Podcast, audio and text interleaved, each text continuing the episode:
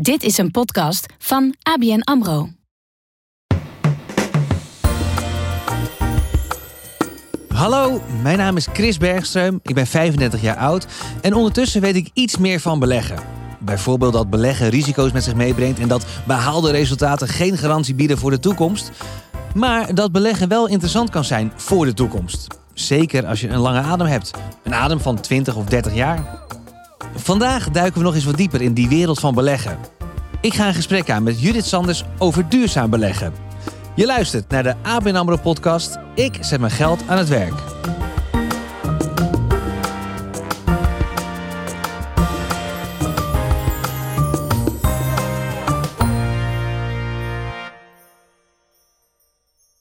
In deze vijfde aflevering gaan we het hebben over duurzaam beleggen.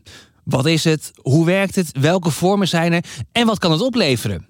Ik ga in gesprek met Judith Sanders. Zij is beleggingsstratege met een focus op duurzaam beleggen bij ABN AMRO.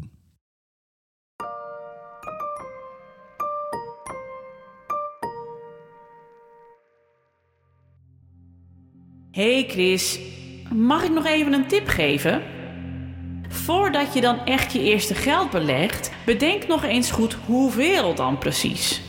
Niet als een kip zonder kop zomaar een bedrag inleggen. Ja, ik ken jou. Oh, en ik zou ook echt even goed kijken naar waarin dan precies. Met een kindje op komst is het toch goed om nog meer over de toekomst na te denken. Ja, mam. Dankjewel, maar ik, ik ben geen twaalf meer. Hè. Ik, ik denk heus wel na, ik doe heus wel mijn best. En ik heb goed nagedacht. En dat, dat zou je trots maken. Dat heb ik ook wel eens niet gedaan. Maar in dit geval wel, want ik wil niet ergens in beleggen dat slecht is voor mens, dier en milieu. En ik wil wel bijdragen aan een betere wereld, ook zeker voor mijn kind. En inderdaad, hoeveel geld zou ik beleggen? Uh, wat is tactisch? Waar moet ik rekening mee houden? Hier moet ik wel even goed op gaan letten. En hopelijk kan Judith mij hierbij op weg helpen. Maar eerst vraag ik op straat een paar mensen of zij de stap om te gaan beleggen al hebben gemaakt. Nou, dat zou ik sowieso doen. Ik zou sowieso uh, kiezen voor duurzaam beleggen.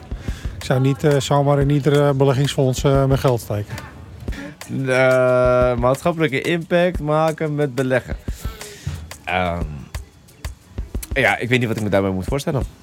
Ja, dat klinkt echt heel erg goed. Uh, maar het klinkt ook als veel moeite. Dus dan heb ik, zeg maar, voor mij is het al een drempel om überhaupt te gaan beleggen. Dus dan heb ik liever dat ik het eerst begrijp voordat ik. En dat ik daarna, dat is volgens mij een soort van next level voor mij. Stapje, stap 2. Laten we even beginnen bij stap 1. Überhaupt beleggen. Ik verder heel duur, duurzaam beleggen ben, dat vind ik prima, want ik ben zelf heel duurzaam. ik heb geen auto, vlieg nooit bijna. Dus, nou. Duurzaam beleggen houdt me op dit moment niet heel erg uh, bezig. Nou, daar ben ik met duurzaam beleggen ben ik op zich wel bezig geweest, maar nog niet. Het kost me maar weer te veel tijd en nog niet echt, uh, echt goed gedaan.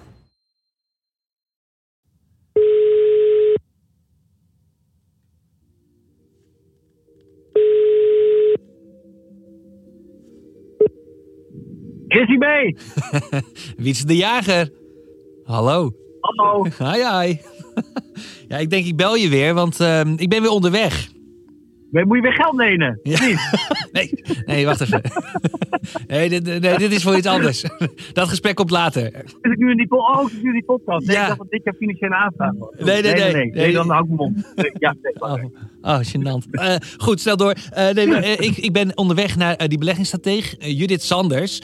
En de vorige keer belde ik jou al met tips. En toen gaf je ook al aan in dat gesprek dat jij bezig bent samen met jouw vrouw Lieke met, met beleggen, met aandelen, et cetera. Nu, vandaag heb ik dus gesprek met Judith Sanders. En zij focust zich met name op duurzaamheid.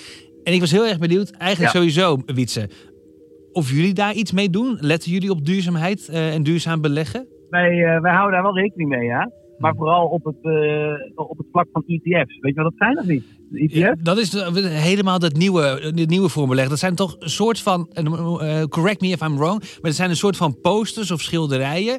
En die hebben gewoon een waarde. Dus eigenlijk zie je het als de nachtwacht. Daar is er één van. Dat is een origineel schilderij. Nee, nee ik zeg het niet ah, goed. Fout. Oh. Nee, Wat is het dan? Helemaal fout. Helemaal fout. Lijkt er wel op. Begrijp ik wel. Een ETF is eigenlijk een, een naam voor een, een verzameling bedrijven waar je uh, in kan investeren. Dus je koopt eigenlijk bijvoorbeeld van duizend bedrijven een heel klein stukje. En als je van duizend bedrijven normaal dat aandeel zou willen kopen, ja, zou dat onbetaalbaar zijn. Maar via een ETF koop je eigenlijk een heel klein stukje van al die duizend bedrijven.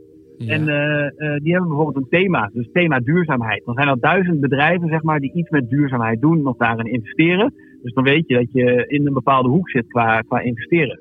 Mooi om te horen dat jullie ook eh, op dat duurzaamheid zitten. Want ik ben daar ook wel iets meer mee bezig. Ook omdat wij natuurlijk een, dochtertje krijgen. En ik wil ook wel haar een mooie wereld nalaten. Dus als ik ook maar iets kan doen om daaraan bij te dragen... dan wil ik me gewoon focussen op dit soort bedrijven. Het kan dus via de ETF's. Ik was in de war met NFT's. Want Witse, ik moet er gewoon niet Ja. aan denken dat er zometeen... ik moet er gewoon niet aan denken dat er zometeen een olietanker rondvaart... met mijn naam, Chris Bergster, mede mogelijk gemaakt door. dus dat, dat, wil ik voor, dat wil ik gewoon heel graag voorkomen. Ja. Eh, Witse, ik ben er. Dankjewel, jongen. Ik bel je zo meteen nog heel even terug. Ehm, oh, heb je nog een tip? Heb je misschien nog een tip? Wat moet ik vragen? Ja, ik, eh, ik zou ja, vooral op die ETF zou ik gaan zitten, daar wat meer van te weten komen. Ja, en of zij, want zij werkt natuurlijk voor de bank, hè, dus zij weet stiekem wel wat werkt. Ik zou toch een beetje informatie los proberen te peuteren. Van wat, wat zijn nou echt de goede dingen waar ik in moet, in moet investeren? Ja, ja, goeie. Dat ga ik zeker meenemen. Dankjewel, jongen. Ik bel je zo meteen terug. Joe! Joe!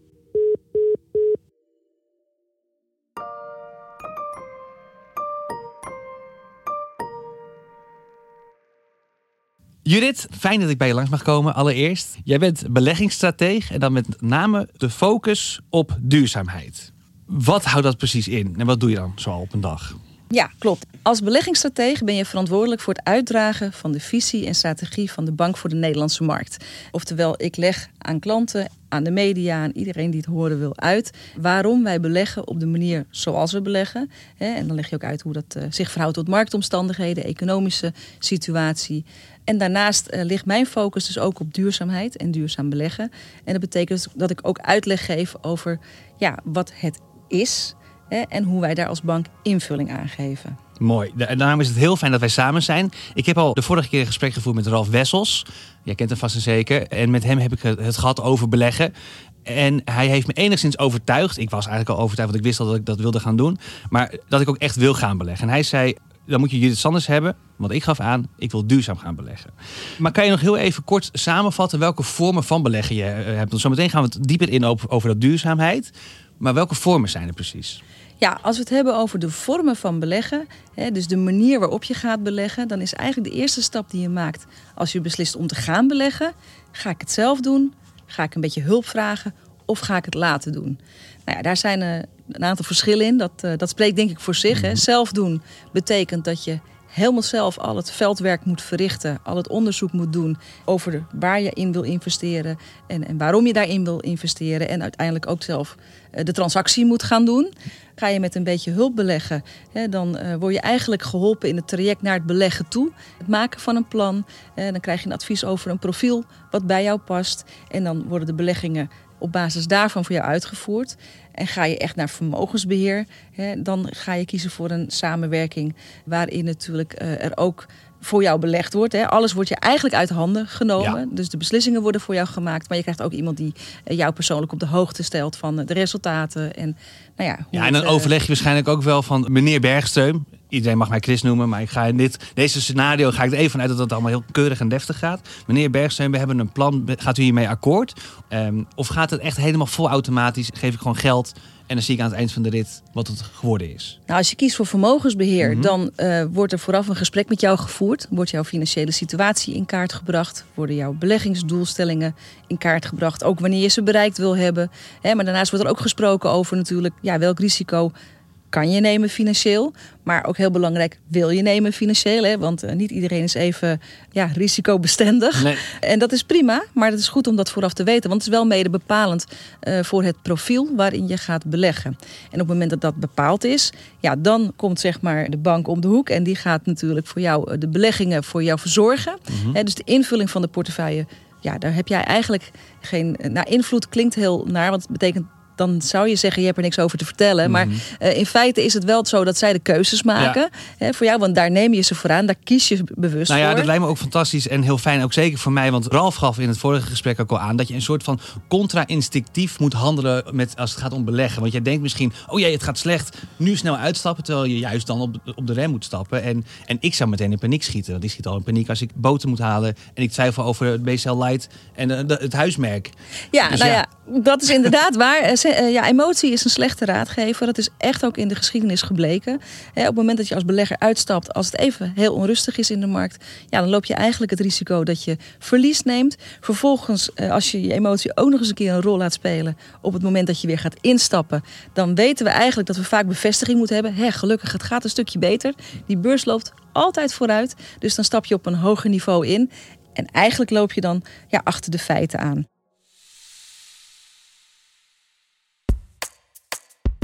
Duurzaam beleggen. Dus dat je gewoon een maatschappelijke impact probeert te maken door middel van beleggen.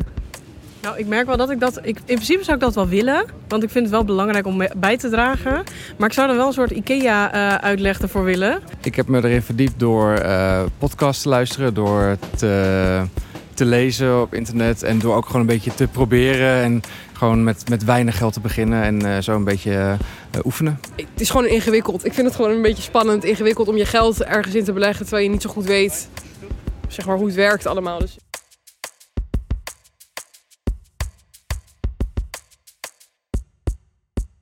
Kan je ook zeggen dat duurzaam beleggen in deze tijd zinvoller is dan niet duurzame beleggen? Daarmee bedoel ik zinvoller, valt er meer rendement uit te halen? Kan je dat überhaupt zeggen? Ja, nou ja, kijk, het beleggen met eh, duurzame karakteristieken, hè, dus dat je kiest voor bedrijven die een bijdrage leveren aan de verduurzaming van de maatschappij, is iets wat heel erg in opkomst is. Mensen zijn zich steeds meer bewust geworden van het belang daarvan. Hè, we hebben natuurlijk eh, de coronapandemie gehad. We hebben allemaal ervaren hoe prettig het is als er even wat minder vliegtuigen overvliegen, de lucht schoon is en de omgeving rustig. Eh, maar daarnaast hebben we ook het belang ervaren van een, ja, een, een veilige, gezonde werkomgeving. Hè, dat was ook iets wat heel duidelijk naar, eh, naar voren kwam in corona. En dat zijn wel allemaal duurzame eh, aspecten. Kijken we nu, dan zien we natuurlijk ook het belang van hernieuwbare energie. Mhm, met, ja. met de huidige situatie zoals die is. Dus ja, er is A, een grotere vraag naar eh, beleggingen met duurzame criteria. Mhm. Maar is het, het, antwoord op jouw vraag: is duurzaam beleggen altijd Ja. beter dan, ja, wij noemen het klassiek beleggen?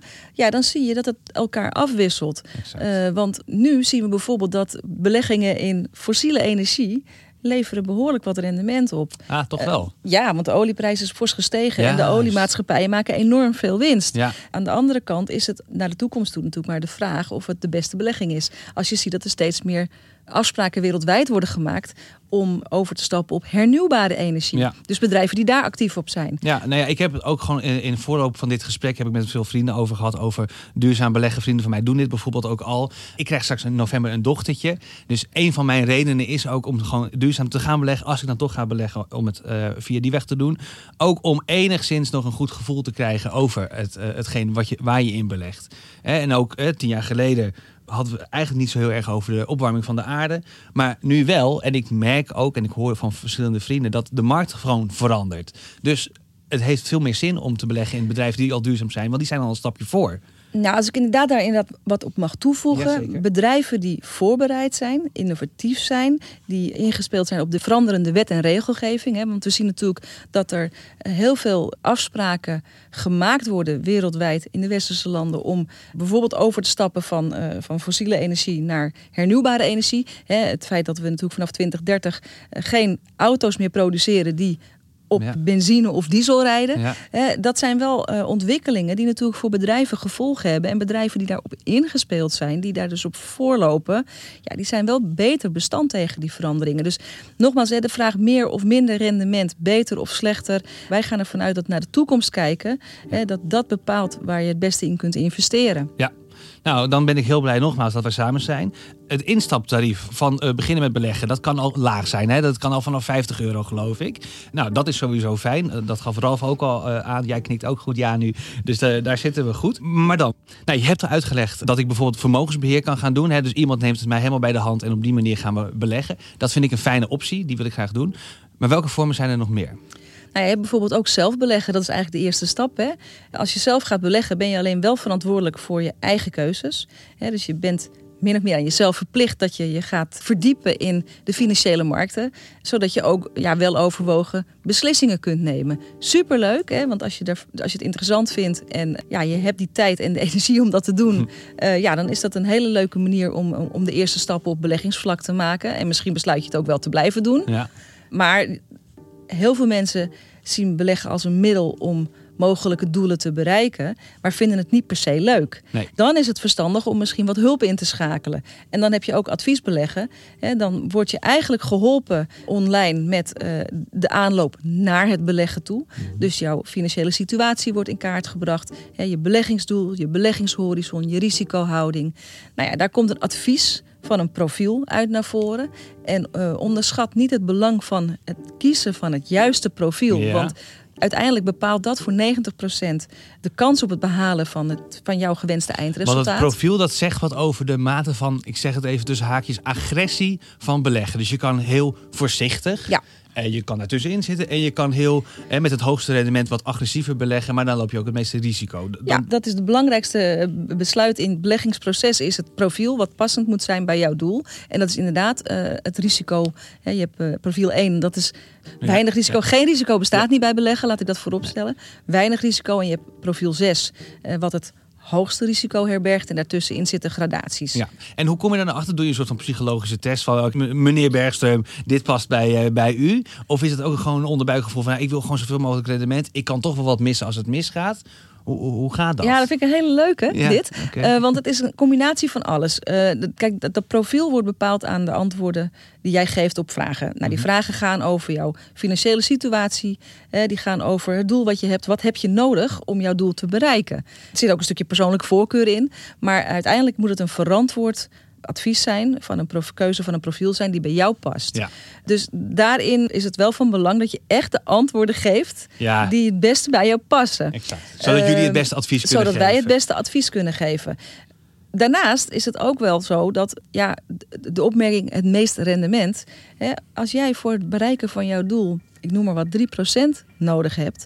Waarom zou je dan het hoogste risico nemen? Ja. Eh, want er is een kans dat je natuurlijk een heel optimistisch scenario, dat je veel meer hebt bereikt op, de, op het moment dat je eh, je doel had willen bereiken. Maar er is ook een kans dat je minder behaalt. Ja. Dus uiteindelijk gaat het om de balans risico-rendement die het best past bij het doel wat jij voor ogen hebt. Ja.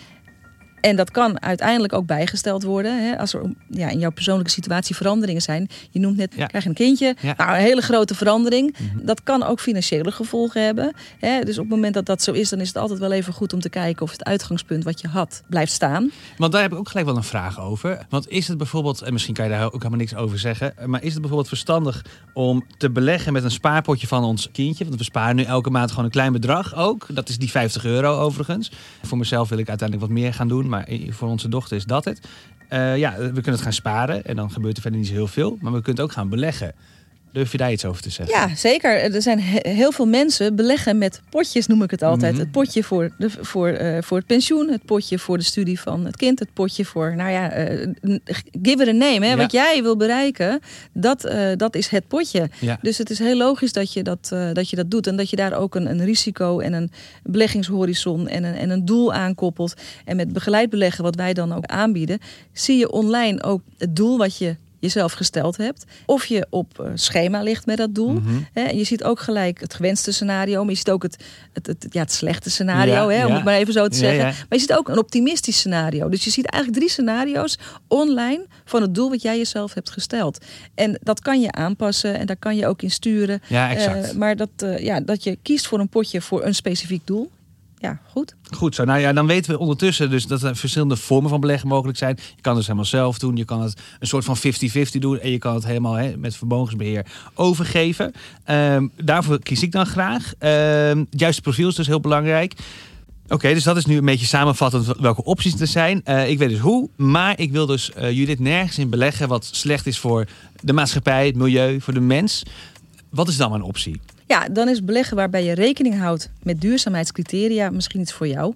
Want je kijkt dan niet alleen naar het financiële rendement van je beleggingen, maar je kijkt ook naar de maatschappelijke impact van je portefeuille. Oké, en eh, hoe werkt dat dan precies? Ja, je kan op verschillende manieren invulling geven aan de mate waarin je maatschappelijke impact maakt met je portefeuille. Eh, De eerste stap kan zijn dat je bepaalde beleggingsvormen uitsluit. We hebben het over tabak, we hebben het over de wapenindustrie. Eh, Dat zijn ja, eh, ja, activiteiten waarvan wij ook als bank zeggen, ja, daar investeren we niet in. Maar je kan ook een stapje verder gaan. Hè, door te zeggen van ja, ik, ik, ik wil niet beleggen in fossiele energie. Als we kijken naar de mandaten waarin wij maatschappelijke criteria laten meewegen, dan is dat ook een investering die we niet uitsluiten, maar waarin we niet investeren.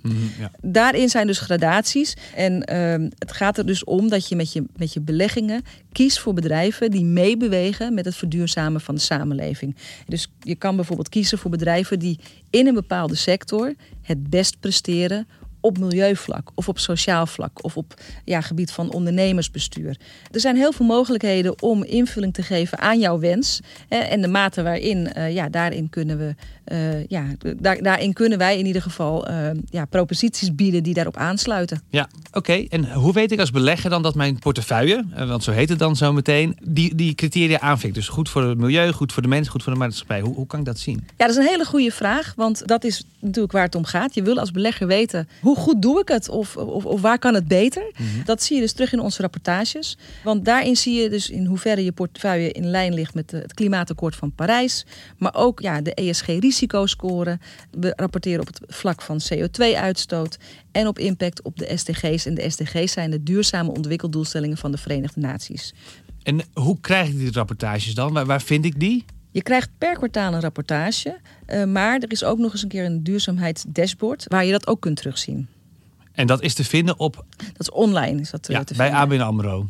Oké, Judith, eh, dat is helemaal helder. Ik ben eh, enthousiast. Was ik al bij Ralf, ben ik nu zeker bij jou. Ehm, fijn, dankjewel. Heb je nog heel even een kleine samenvatting van hoe kunnen we nou beginnen? Waar, waar moet ik rekening mee houden? We hadden het, ehm, het, het- een plan, plan van aanpak. Ja, inderdaad. Het, eerste belangrijke blijft altijd: maak een plan van aanpak. Hoeveel geld heb ik beschikbaar? Hoeveel geld wil je investeren?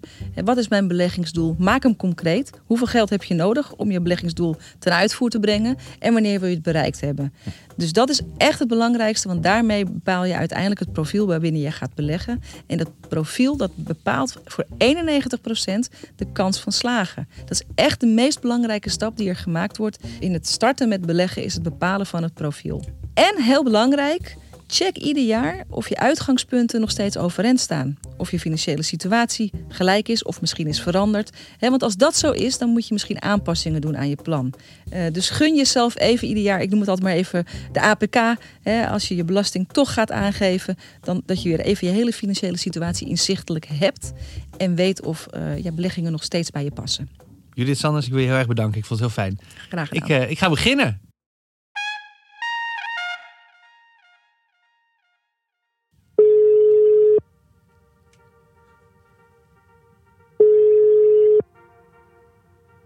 Chris, Witse! hoe was het?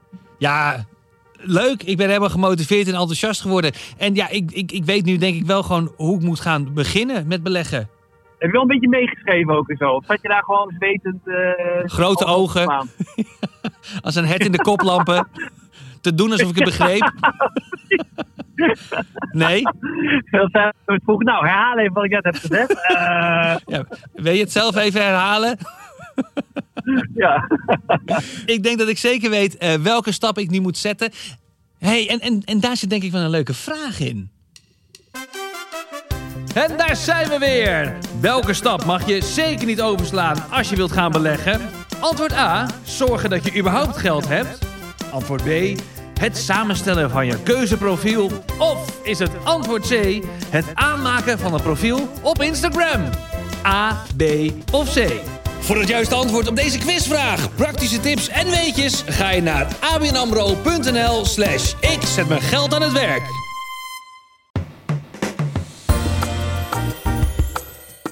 Dit was de ABN AMRO podcast Ik zet mijn geld aan het werk. In de volgende aflevering ga ik in gesprek met Martijn Siebrand. Hij werkt in het team Digital Assets binnen de afdeling Strategie en Innovatie bij ABN AMRO. En hij gaat me alles vertellen over de toekomst van geld.